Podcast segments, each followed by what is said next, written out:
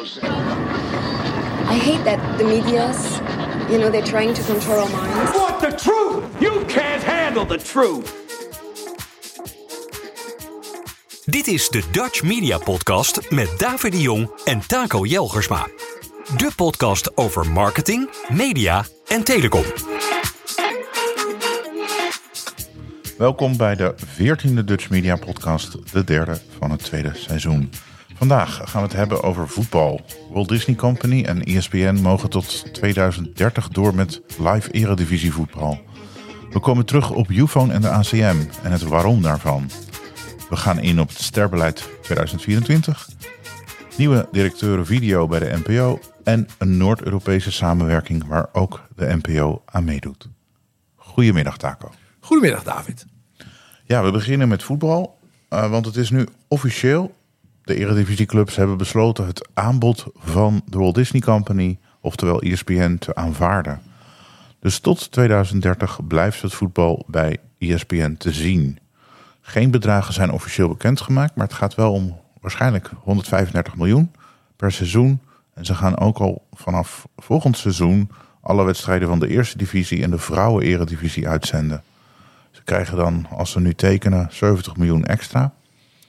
Um, wat er wel gebeurd is, en daar gaan we het over hebben, is dat de vier grote telecommers, die hebben uh, eigenlijk al eerder bij de ACM bezwaar gemaakt en willen een transparante aanbesteding.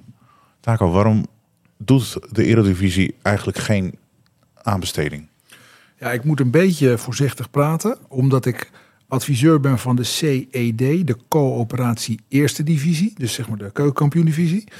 Um, waarom er niet openbaar aanbesteed wordt, zeg maar, waarom er geen bidboek is met rechten, zoals dat vaak bij de FIFA is en bij de UEFA als er grote toernooien zijn, dat er gewoon een dik boek is waarin staat er zijn zoveel wedstrijden, die moet je zo uitzenden.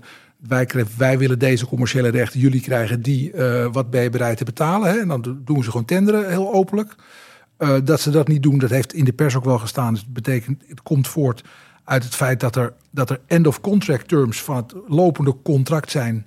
Uh, die maken dat, um, uh, dat Disney schuins op ESPN een soort voorkeurspositie heeft in het, in het, bij een nieuw con contract. Dat heeft ook overal in de, in de media gestaan. Um, wat mij wel bevreemdt, is dat het erop lijkt dat wat de telecompartijen aanboden, zeg maar, dat dat een soort mogelijkheid was om eindelijk te doen wat het voetbal twee keer al te vergeefs geprobeerd heeft. Namelijk een eigen product maken of een eigen zendergroep maken, hoe je het, uh, hoe, hoe, hoe, je, hoe het ook noemen wil. En ik denk dat het, dat het, het voorstel dat de telecommers hebben gedaan, die dat overigens niet heel, heel erg in detail hebben uitgevend wat ze nou eigenlijk wilden. In ieder geval wilden ze, wat, maar wat ze volgens mij wel zeiden is, um, uh, uh, je kunt voor zoveel jaar zoveel euro per abonnee krijgen. En over hoe we dat dan gaan invullen, daar kunnen we wel over praten. En dat had dus misschien wel een Sport 7 of een Eredivisie Live-achtige constructie kunnen, kunnen, kunnen, kunnen zijn. En juist die twee initiatieven, die toch stevig vanuit het voetbal kwamen ook destijds, die zijn natuurlijk kapot gegaan op de relatie met de distributie. En nu er dus een rechtstreekse relatie met de distributie werd aangeboden, kiezen ze om toch uh, het vehikel uh, Disney ESPN, uh, zeg maar in hun of tussen hun relatie met um, de, de, de, de, de distributie schuiven. Dus het zou wel eens kunnen zijn dat, dat als je daar over een paar jaar op terugkijkt, dat er sprake is van een historisch foutje. Je zegt heel veel dingen in, uh, in een paar zinnen. Om te beginnen, je zegt het stond in het, oude, in het huidige contract dat ze uh, met Disney een voorkeurspositie hadden. Met andere woorden, ze konden ook helemaal niet naar een tender toe op geen enkele manier. Dat is een hele vergaande vraag. Wat ik in de krant gelezen heb, is dat er een uh, dat er end of contract terms waren die het voor de uh, clubs uh, moeilijk maakten om echt een tender te doen. In ieder geval in deze fase. Dan hadden ze dus waarschijnlijk eindeloos met Disney moeten, ik noem maar wat, moeten, moeten onderhandelen en dan er niet uitkomen of zoiets. Ik hoor het je zeggen. Oh, je mag er niet over praten. En, en, en... Maar daar is, daar, daar is, daar is bij, uh, bij Insight door onze vriend uh, Chris Woerts, Chris Woerts uh, wat en over geroepen. eh, eh, het, het, het, en het is ook niet zo gek natuurlijk als je met z'n tweeën een contract maakt voor 10, 12 jaar, wat het vorige con- contract was, wat natuurlijk origineel een Fox-contract was, hè, wat Ja. later door Disney ESPN is overgenomen. Dat je dan, dat als je samen een product groot maakt, dat je afspraken maakt over hoe je na die periode eventueel met elkaar verder gaat. Ja.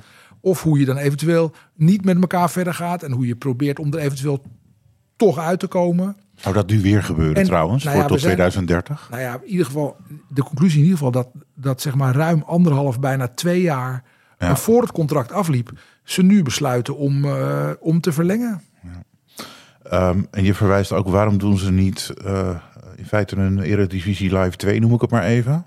Met de kabelaars, die zeggen meer te bieden, meer voor het voetbal te doen. En, en wij zijn nu een beetje bozig. Ja, het gaat naar de zakken van de Amerikaanse aandeelhouders. nee, dat, maar goed, ze zijn zelf ook deels dat Amerikaans. dat Kijk, het, het, het, het, het logische argument zou zijn, denk ik, vanuit de telecom, waarom tussenhandel? Het is een, ik bedoel, voetbaluitzendingen maken is nou geen, daar zit niet heel veel ingewikkelde production value in, zeg ik maar. Hè. Bedoel, zijn die, je, iedereen, dat doen we al honderd jaar. We doen het tegenwoordig met een beetje meer camera's, een beetje betere Betere camera's techniek, ja. eh eh, re- regies op afstand in plaats van dat we ENG en SNG-wagens naar de stadions rijden. Er ligt overal dark fiber, we doen het Ja. efficiënter. En dan vervolgens heb je een tafel en daar zitten drie goed betaalde oud-voetballers omheen en die praten voor en na de wedstrijd een beetje over het Ja. voetbal. Bolt is niet, er is niet heel veel geïnnoveerd, zal ik maar zeggen, in, die, in de manier waarop we voetbal laten zien aan de Ja. geïnteresseerde kijker. Dus dat kun je denk ik ook zelf. Hè? Ik bedoel, dat, dat, dat, dat, eh, dus daar heb je ze niet voor nodig. Dat, je- dat, dat je aan Disney, ESPN geen macht ontleent eh, eh, als partner... blijkt denk ik wel uit het feit dat de telecompartijen openlijk gewoon ruzie zoeken met, die, met Disney en ESPN. Hè? Dus ja, de, de, de vraag is waarom je dat niet in ieder geval breder onderzoekt. Aan de andere kant is het zo, denk ik, dat de, dat, dat consortium van eh, Vodafone Ziggo, KPN, eh, Delta en Odido, ja. ik moet nog steeds wennen aan de naam, die hebben een handhavingsverzoek bij de ACM neergelegd. Dat, dat verzoek, dat hebben we niet gezien allemaal. Nee. Eh, ik heb het opgevraagd, ja, heb het opgevraagd, nog niet maar- maar nog gekregen. niet gekregen. Het- ik begrijp helemaal niet helemaal wat de juridische grond zou zijn eh, waarop je voetbalpartijen kunt dwingen openbaar aan te besteden of op, Maar Ze zeggen openbaar hier te is sprake tenderen. van kartelvorming. Dat is hun stelling. Monopolievorming. Afscherming van de markt. Ja, je zou, je zou zeggen dat er logisch dat, dat als een aantal telecompartijen besluiten om die rechten gezamenlijk te kopen, dat er dan eerder, eerder Ja. sprake is van. eh, Ja, wat mag eh, een andere telecommer dan ook? Ja, Ja. dus, dus dat, dat, dat, dat begrijp ik niet helemaal. En ze willen gewoon een aanbestedings... Dat zeggen ze nu keihard. willen aanbestedingsprocedure. Ja, maar er, er is naar, naar, naar mijn weten, en als het dat er wel is, dan krijg ik graag een mail van een, eh, van een luisteraar. Mhm. Er is met naar mijn mening geen regelgeving over het feit dat als jij unieke eh, natuurlijke rechten houdt, hè, dat zijn sportrechten, dus dat als jij unieke natuurlijke rechten houdt, dat je de verplichting hebt dat in een soort transparante procedure aan de markt aan te bieden. Ja, dan moet je een mededingingsadvocaat hebben over wanneer is dit. ik- ja. Dus, dus ik, ik, ik- kijk, ik, ik, er, zijn natuurlijk dingen uitgezonderd. Daar hebben we de evenementenlijst voor in de mediawet. Geherevalueerd, eh, eh, of is geen Nederlands, geëvalueerd. Ja. bij de, eh, op, op, op, op verzoek van de staatssecretaris in de Kamer. Eh, daar zal niet veel anders uitkomen. Hè. Daar blijven gewoon dingen op, zoals eh, de Elfstedentocht, eh, de kroning van de, maar ook de samenvattingen van deze voetbalrechten. De samenvatting, goed. Want dat is me niet duidelijk wat daarmee gebeurt hoor, trouwens. Maar Nee, nou ja, die zullen, die, daar, ik neem aan dat het, eh, het voetbal zal wel een voorkeur hebben voor eh, eh, de publieke omroep. nee, maar ik bedoel, zit dat dan eerst bij, zoals het nu was, bij, ook bij, bij deze samenwerking, bij Walt Disney dus, en die verkoopt het vervolgens door, of gaan ze dat dan zelf doen? Nou, dat is, een beetje, dat is een beetje. Jou wel? Kijk, het is niet heel, het is niet duidelijk, maar volgens mij wel bekend. die rechten worden uiteindelijk verkocht door de EMM. En de, Ja, dat is dus- en- en dat de is dus EMM, Disney dat in is, dat- feite, dat- ja. De EMM is een joint venture van Disney, eh, de KNVB eh, en de ECV. Maar eigenlijk, om even met jouw beginopmerking op, als je dit zo zelf noemt, ja, dan kan je zeggen, dit is in feite een, een, een doen ze deels zelf. Het is een minderheid, maar ze doen het deels zelf samen met, Nou ja, nee, Met dat, is, Disney dat, in is, zo- feite dat is nu. zoals het ingestoken is. ja. Maar je, er er is natuurlijk geen, geen reden om niet eens te onderzoeken of iets anders kan na twaalf jaar. Zeker Ja. ook omdat ik denk dat voetbalrechten in de komende tien jaar alleen maar langzaam maar, maar, zeker, en misschien een beetje zaagtansgewijs, maar meer waard zullen worden. Nog meer, Omdat, ja. omdat voor wat dan heet social viewing, Ja. eh, sport natuurlijk wel het product is. Dus of heel groot entertainment waarvan het leuk is om het gezamenlijk te kijken, ja. eh, of nieuws. En bij nieuws is het, al, is het denk ik al, al, al minder, omdat er zoveel verschillende manieren zijn om, om, om nieuws te consumeren. Ehm, dat met name sportrechten natuurlijk echt eh, de manier zijn om GRP's in lineair de komende jaren nog te kunnen aanbieden. Maar klopt mijn idee dat de discussie, als daadwerkelijk Disney het krijgt en, en, en ACM aan jouw kant staat, zou ik maar zeggen in dit geval, eh, dus zegt dit is geen kartelprobleem, dat de discussie daarna verzet wordt naar de tafels van de telecommers en eh, Disney in feite over hoe de distributiedeal wel of niet gecontinueerd wordt. En, en ik vraag me ook af of ESPN dan toch het recht krijgt om het zelf ook eh, direct te kunnen verkopen. Ja, dat weet ik Dan niet. wordt het een interessante discussie. Dat weet ik niet. Ik denk dat, ik denk dat de, de, kijk, de- dat is, dat, is, dat is wat Chris Woerts eh, altijd zegt. Die telecompartijen, dat zijn, dat, die zijn de pinpas van het voetbal. Hè? Die halen Ja. gewoon bij elk huishouden met een televisieabonnement, of ze nu wel of niet kijken, Ja. eh, een, een paar euro op. Eh, Ja. Ik denk dat de volgende keer dat ESPN Disney bij die distributeurs komt om te onderhandelen over, dit, over het, het, het, tarief, dat de sfeer eh, iets anders zal zijn. En ze weten nu in ieder geval dat al die distributiepartijen met elkaar praten. Dus het Ja. zal toch een beetje moeilijker zijn om de prijs op te drijven. Maar het zijn allemaal commerciële belangen. Ja, dit, dit, één ding is zeker, dit gaat niet over voetbal.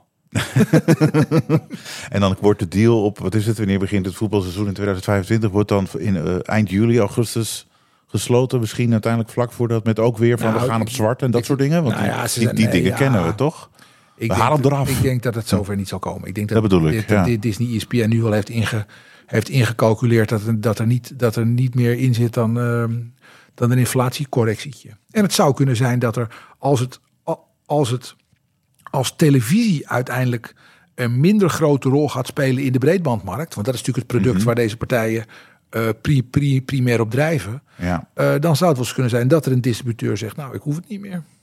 Maar dan zal E ESPN waarschijnlijk willen bedingen dat ze direct mogen verkopen, zodat ze ook bij die distributeur bij de klanten kunnen komen. Nou ja, ik denk dat het, belangrijk, ik denk dat het belangrijkste argument vanuit dat, vanuit dat telecomconsortium is... niet we willen het met alle geweld zelf hebben... maar we willen het product voetbal uitschakelen in, de, in onze onderlinge strijd in de breedbandmarkt. We willen gewoon niet dat dat voetbalproduct een factor in die markt is. En daarom willen we het product ne- neu- neu- neu- neutraliseren. Bijvoorbeeld door het gezamenlijk te kopen Ja. of gezamenlijk mogelijk te maken dat, dat ze het zelf gaan doen. Maar ze willen het gewoon uit, de- ze willen het gewoon uit de vergelijking halen. Ja. ja. Want zit ik de hele tijd in mijn kop, kan je toch net zo goed de LTT aanbieden. Ja, maar als je het OTT gaat aanbieden, dan moet je weer een miljoen mensen vinden Ja. die bereid zijn om 15 tot 17 euro in de maand te betalen. En daarvan is er net Ja. gebleken dat het, Dat nooit, dat het niet lukt. Er zijn gewoon te weinig mensen geïnteresseerd in voetbal eh, om het OTT te verkopen. Ja. Of in ieder geval te weinig mensen bereid om eh, bovenop de samenvattingen, die, die, die ze free-to-air, zeg Moeten maar even, doen, ja. ad-driven kunnen zien, Ja. om dan eh, die live wedstrijden te bekijken. Daar willen Ja. gewoon te weinig mensen voor, voor, voor betalen. Dat is al sinds 1985 zo. ja, en nu niet anders zeg jij. En nu kennelijk niet anders. Ja. We gaan het volgende Ik onderwerp. ben benieuwd. De Dutch Media Podcast. Post at dutchmediapodcast.nl De vorige uitzending hadden we het, eh, hadden we het ook al over Ufone, waarvan de ACM gezegd heeft... er moet meer onderzoek komen eh, naar, een, naar de voorgenomen overname van Ufone, zeg maar, door KPN. Ja, Die autoriteit Consument en Markt, dat is dus de mededingingsautoriteit, die zegt dat er, ik zeg het even heel kort door de bocht, eh, dat er mogelijk te weinig concurrentie is op het goedkope, op het goedkope simpel recht toe recht aan eh, product van mobiel bellen en mobiel data. ja. Nou is het onderliggend rapport geopenbaard en je hebt dat helemaal bestudeerd. Bij- jou viel wat op dat je zei van dit moeten we bespreken. Vertel. Nou, wat heel gek is wat mij betreft is het volgende. Ehm, in de marktanalyse, in het ontwerp marktanalysebesluit moet ik zeggen over de vaste internetmarkt, heeft de ACM Ufone genoemd als een partij die concurrentie veroorzaakt in de vaste internetmarkt. Ehm, het, En dat mede als reden aangegeven waarom er geen nadere regulering hoeft te volgen in de vaste markt. Nu wordt die partij overgenomen. En nu zeggen ze in het besluit over de, of er wel of niet een concentratievergunning nodig is. Want dat is de volgorde. Hè? Dus je meldt die overname aan. Is die boven de 30 miljoen? Dan gaat ACM zeggen, moeten we hier naar kijken of moeten we hier niet naar kijken? En ze hebben dus nu gezegd, hier moeten we naar kijken. Je hebt hier een vergunning voor nodig. In dat besluit staat nu dat ze niet gaan kijken naar de vaste markt. Maar alleen gaan kijken naar de mobiele markt. In de mobiele markt hebben we 26 MVNO's. Ja, dat zijn partijen zonder netwerk. Ja. En drie partijen met een eigen netwerk. Namelijk Odido, daar is die weer. Eh, eh, KPN en Vodafone Ziggo.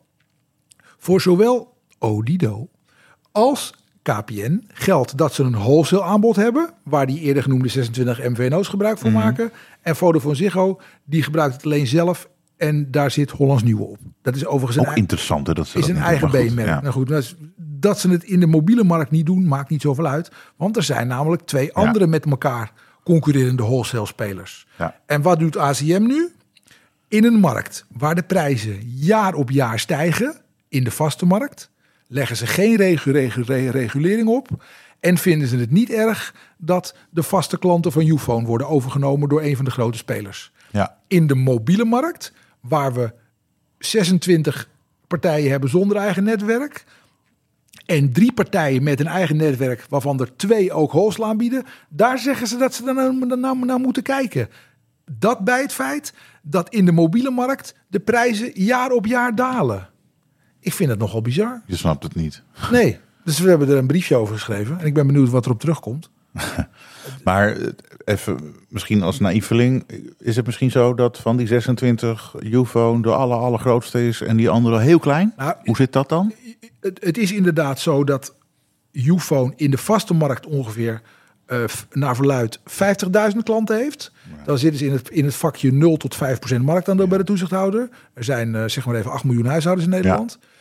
In de mobiele markt zitten ze ook in het vakje 0 tot 5% marktaandeel met ongeveer 500.000 klanten. Maar mind you, er zijn 8 miljoen huishoudens met vast internet, maar er zijn ruim 20 miljoen mobiele eh, abonnementen in Nederland. Of in ieder geval Ja. uit, uit, uit- uit- uitgegeven nummers in post en prepaid samen.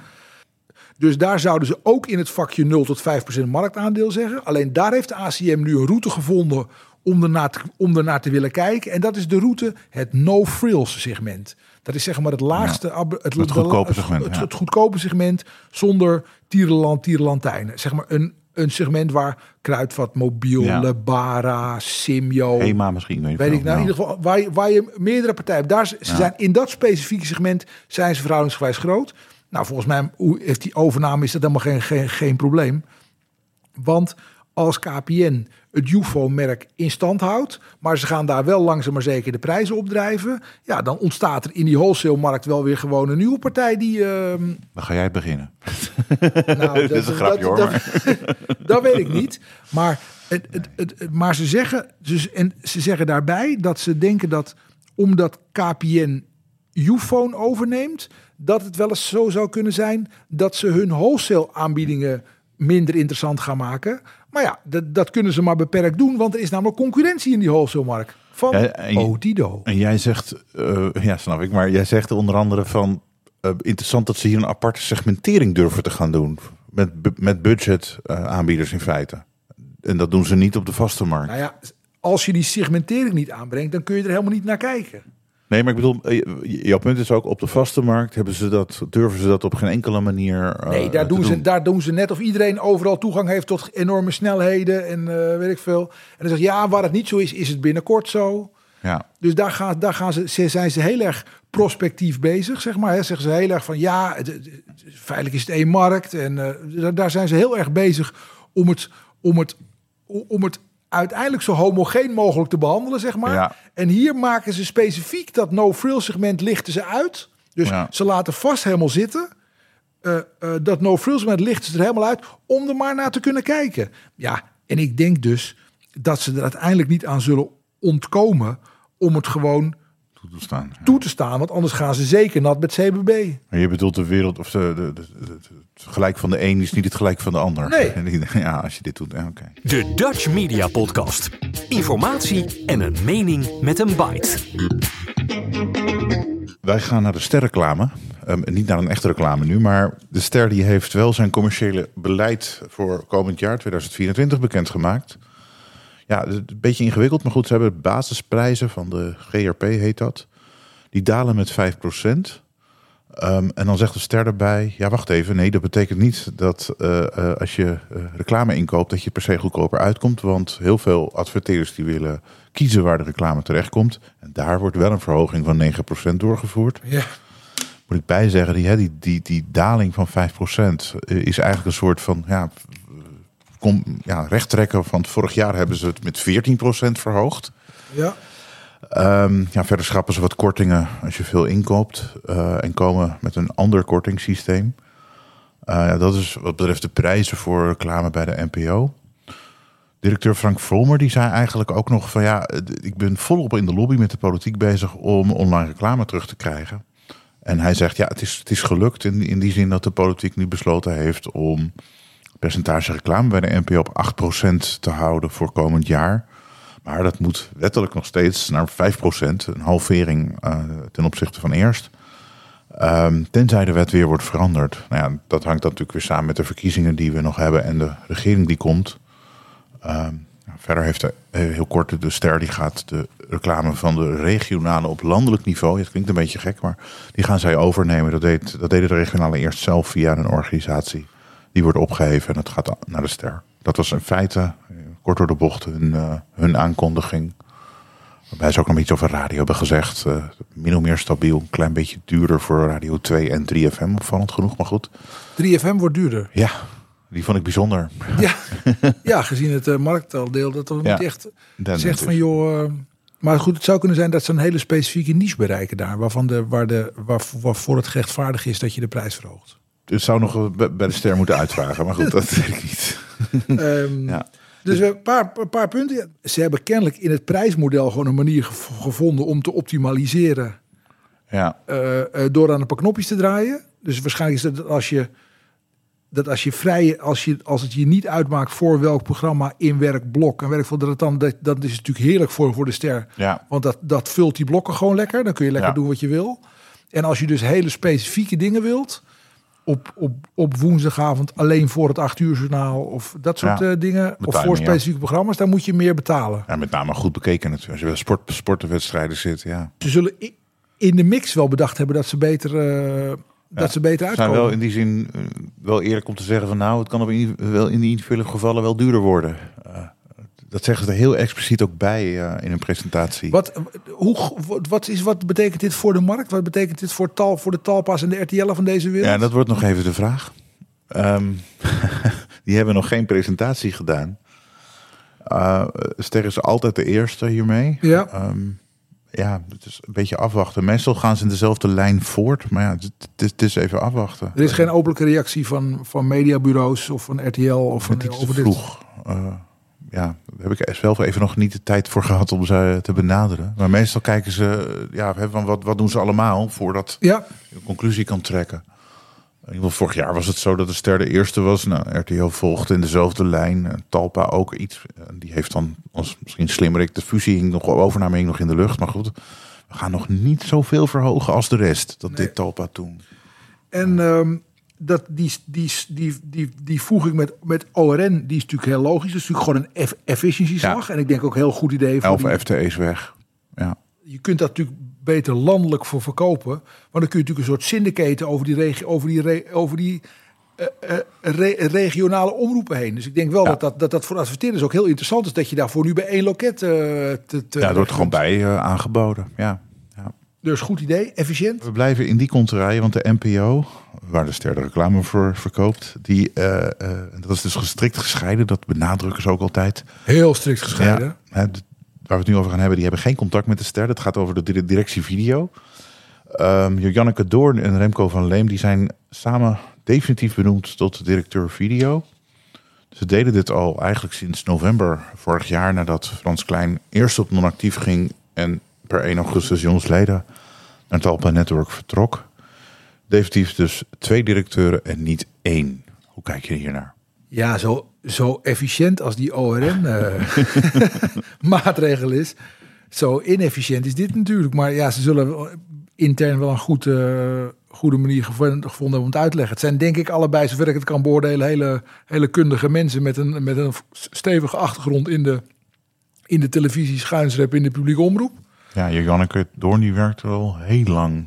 Ja, Remco Verleen, heeft, 15 jaar. Remco Verleen is natuurlijk een tijdje naar Talpa geweest. Ja, Eh, jaar of drie, volgens mij. Ja. En ja, waarom dit nou weer twee mensen moeten worden? officieel was het verhaal omdat het complex en, en een uitdagende omgeving is en dergelijke. Waardoor twee mensen dat zou rechtvaardigen. Ik vraag mij hardop af, hoe werkt dat dan? Want je hebt onder deze twee heb je genre managers en je hebt ook lineaire coördinatoren voor de, voor de drie zenders. Ja, En, en eh, ja, ik snap niet helemaal, want die, die twee moeten samen de lijn uitzetten. Maar wie doet dan wat en, en hoe, hoe werkt dat dan precies? Want normaal heb je één directeur die, eh, waarbij je heel duidelijk hebt, oké, hij zet die lijn op die manier uit, maar nu heb je er twee. Heb je daar een voorstelling ja bij? ik, kijk, ik, be- ik begin weer te zeggen dat ik heel erg ben voor een sterke, pluriforme, brede publieke omroep.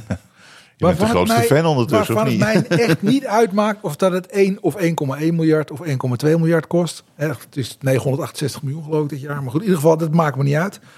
Maar doe het een beetje efficiënter. Dus, we hebben nu, dus we hebben nu twee... We hadden één directeur video. Mhm. Daar, we hebben, nu, we hebben nu, dus nu twee. Daaronder hebben we genre managers. Mhm. Eh, hebben we nog En lineaire en coördinatoren. lineaire, lineaire coördinatoren. Ja. Dan hebben we natuurlijk nog eh, eh, ook nog programmamanagers. Dus dat zijn mensen die op het specifieke pro- programma zitten bij de omroepen. Oh, waarom? Ja. En, en boven die programmamanager bij die omroepen heb je natuurlijk nog zeg maar, de directeuren video van de omroepen. Zeg maar, Ja. de, de mediabazen van de Ja. omroep. Dus ja, ik denk dat de, de manier waarop besloten wordt wat te programmeren, dat het, dat, dat weer nog complexer wordt. Het is wel zo dat de, de raad van bestuur van de NPO, die bestond tot vorig jaar augustus uit drie mensen. Dat zijn er twee sindsdien, want Martijn van Dam, die vertrokken is, die is niet vervangen, die wordt ook niet vervangen. Staat er iets in het statuut van de publieke omroep over hoe, hoe, er, hoe er in de. Hoe er in de wat een beller. Het, staat er iets in het statuut van de publieke hoe er dan gestemd wordt in die raad van bestuur? Is daar, hoe, hoe werkt dat? Je bedoelt dat het 1-1 is? Ja, Ik heb geen idee. Maar het is collegiaal bestuur, zoals dat heet, geloof ik. Dus ik heb geen In de mediawet staat dat het er minimaal twee moeten zijn, geloof ik. Eh, maar het mogen er ook drie zijn. Oh, serieus? Staat er twee? Ja. Staat, er, staat er een even aantal bestuurders beschreven? Ja, ja anders mag dit natuurlijk Ja, nee, nee, nee, maar nee, nee, eh, vreemd. Ja, het, ze zullen er een goede reden voor hebben. En het maakt natuurlijk ook niks uit dat je nog iemand hebt met een salaris. Ik bedoel, in, in het grote geheel gaat het in de economische zin nergens over. Maar voor de, de bestuurlijke duidelijkheid neemt in ieder geval voor de, voor de externe beschouwer niet toe. Zeg ik het heel Nou, diplomatiek. die raad van bestuur heeft overigens nog een vetorecht. Hè, bij, die, die beslist formeel beslissen zij alles. Ja, ja, precies. Maar, dat, maar, dat, maar dat, doen ze natuurlijk in de praktijk. Zullen ze niet over specifieke Nou ja. programma's... Je ziet nu dat Frederike Leeflang en ook haar voor, nou, nog veel meer haar voorgangster, die heeft zich er wel degelijk mee bemoeid. Maar de, Frederike Leeflang heeft recent natuurlijk iets gezegd over Matthijs van Nieuwkerk. Ja, maar dat is natuurlijk een heel. Maar dat is logisch, Dat is bijna. Dat is bijna. Dat is natuurlijk niet programma inhoudelijk. Dat is bijna arbeidsrechtelijk standpunt. Ja, Van luister, wij vinden dat we eerst dit moeten afronden. voor hij opnieuw bij, Ja. ons aan de slag kan. En maar haar voorgangster, hij heeft natuurlijk ook zelf ontslag genomen. ja klopt. Haar voorgang, maar niet bij de NPO, bij nee, een, bij, een, bij, een bij, een, omroep. bij een omroep. En er zijn weer gesprekken gaande. Maar goed, wat ik wilde zeggen, haar voorgangster, Ja, eh, die heeft zich wel veel meer daarmee bemoeid met de programmering. En ook actief, hè, er moeten meer vrouwen, er moet, moet, moet, moet meer... ja het, het divers, soort diversiteitsquotum. programma's heeft ze zich over Het divers- uitgelaten. Het Ja. diversiteitsquotum was haar laatste. Ja. eh, Maar grote ook, daad. ook meer aandacht voor klimaat. Eh, ze heeft zich wel echt actief bezig gehouden met de programmering. Het- meer dan de huidige. Dat de taak van, de, van, het, van, het, van, het, van het centrale orgaan, zeg ik maar even? Oeh, wat ik persoonlijk ervan vind daarin. Ja, kijk, formeel zijn ze verantwoordelijk. Dus, dus, dus ze, mogen dat, ze mogen dat doen als ze dat willen. Nee, maar dit, dit, dit raakt natuurlijk een beetje aan het, aan het recente rapport Wat ging over wat- hoe je de omroepen inricht. Precies, En dat de omroepen meer te vertellen moeten en hebben. Dat dat bedoel je. En wat je hier dus ziet, als er dus, het lijkt mij dat als, je nu, als er nu twee mensen, twee videodirecteuren zijn, Ja. die willen ook allebei iets te vertellen hebben, neem ik aan. Ja. Die willen allebei een stempeltje drukken. Daarmee maak je zeg maar de top zwaarder. En dat is eigenlijk de tegenbeweging tegenover het feit dat je juist die aangesloten omroepen weer meer, Klopt. meer autonomie geeft. Dat klopt, ja. Dus je zou eigenlijk zeggen, joh, wij nemen helemaal geen. eh, eh, wij hebben alleen maar genre managers die zeggen we zoeken programma's in die genres voor die zenders. Eh, maar wat er nu gebeurt is dat je een tweede actieve videobaas erbij gezet hebt. Maar dat rapport heeft natuurlijk geen enkele status verder op dit moment. Nee, daar gaat ook niemand iets mee doen. Maar dat, maar, Dat vinden wij. Dat Maar- denk- denk ik. Dat vinden wij. Maar ik heb, ik heb in NRC gezien dat daar hele andere geluiden ook over bestaan. van wie? Vanuit de, vanuit de omroepen aan de ene kant. En aan de andere kant ook wordt een beetje gespeculeerd of dat de politiek dat misschien wel wil doen. Maar Nee, de, omroep, de omroepen zullen wel, zullen wel voor bepaalde passages uit Ja, het rapport zijn. Ook de politiek, want het is heel onduidelijk wat de politiek uiteindelijk gaat doen. We hebben eerst nog een verkiezing. We moeten kijken wie mediawoordvoerders worden enzovoorts. Ja, en dan kijken wie die, wie die portefeuille krijgt. En wat ze uiteindelijk gaan vinden daarvan. Dus NRC was misschien een beetje voorbarig. Officieel persbericht of gewoon iets te klagen of te lekken?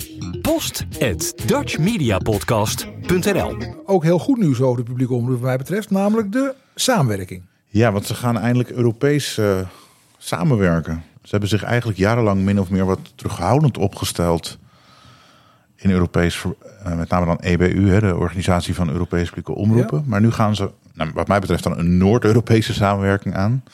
Want ze sluiten zich aan, dat heet dan bij Nieuw 8 of Nieuw 8. En dat is eigenlijk een uitbreiding van een Scandinavische samenwerking tussen Denemarken, Zweden, Noorwegen, Finland, IJsland, de publieke omroepen daarvan. Ja, Voor Duitsland is dat CTF.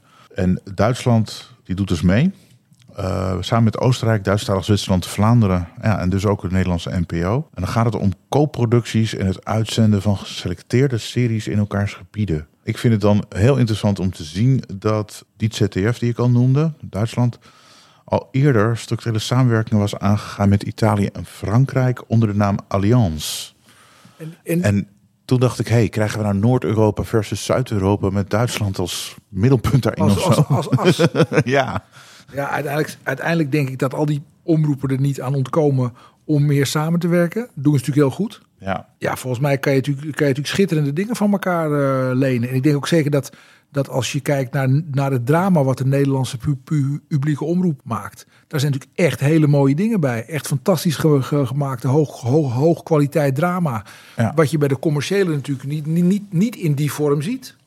Daar wil ik een kleine nuance op maken. Ja. Ik was onlangs bij eh, RTL Nederland die hun een soort van seizoenspresentatie hebben gehouden weer. Ja.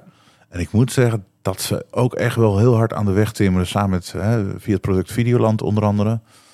eh, met drama-series waar- waarvan ze, eh, voor zover het daar gepresenteerd en getoond werd, dat ik vermoed dat de e- NPO op bepaalde vlakken daar wel een klein beetje jaloers is op enkele producties de komende tijd.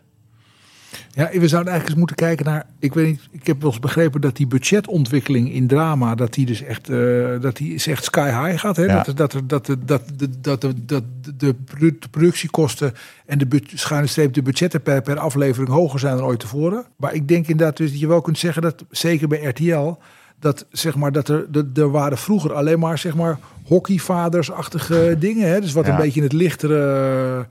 Eh. Het lichtere Johan Nijhuis-achtige werk, zal ik maar zeggen. En eh, eh, met dingen als Mokromafia en zo zijn natuurlijk wel echt zwaardere, serieuzere Ja. series aangeboord. Er komt ook een verfilming van een boek van Peter R. de Vries komt eraan. Een serie over Maxima en, en zo meer van die series waarvan je denkt... Oh, dat hebben we misschien tien jaar geleden was dat echt niet bij RTL te zien. Nee, maar als je nou kijkt naar dingen als bijvoorbeeld oogappels Bij de NPO. bij de NPO, dat is natuurlijk wel, dat is natuurlijk en heel hoog kwalitatief, maar het heeft ook een beetje een soort maatschappelijk eh, dingetje, meer dan, dan Mokromafia-achtige dingen heeft. Dat is waar. Ja, je kan zeggen, Mokromafia eh was niet aardig misschien wat ik nu zeg. Ehm, hebben ze misschien met een schuin oog gekeken hoe, naar het succes van Gomorra uit Italië wereldwijd. Ja. De rauwe eh, misdaad in feite laten zien. Vinden we Mokromafia van dezelfde kwaliteit als Penosa bijvoorbeeld bij de publieke omroep?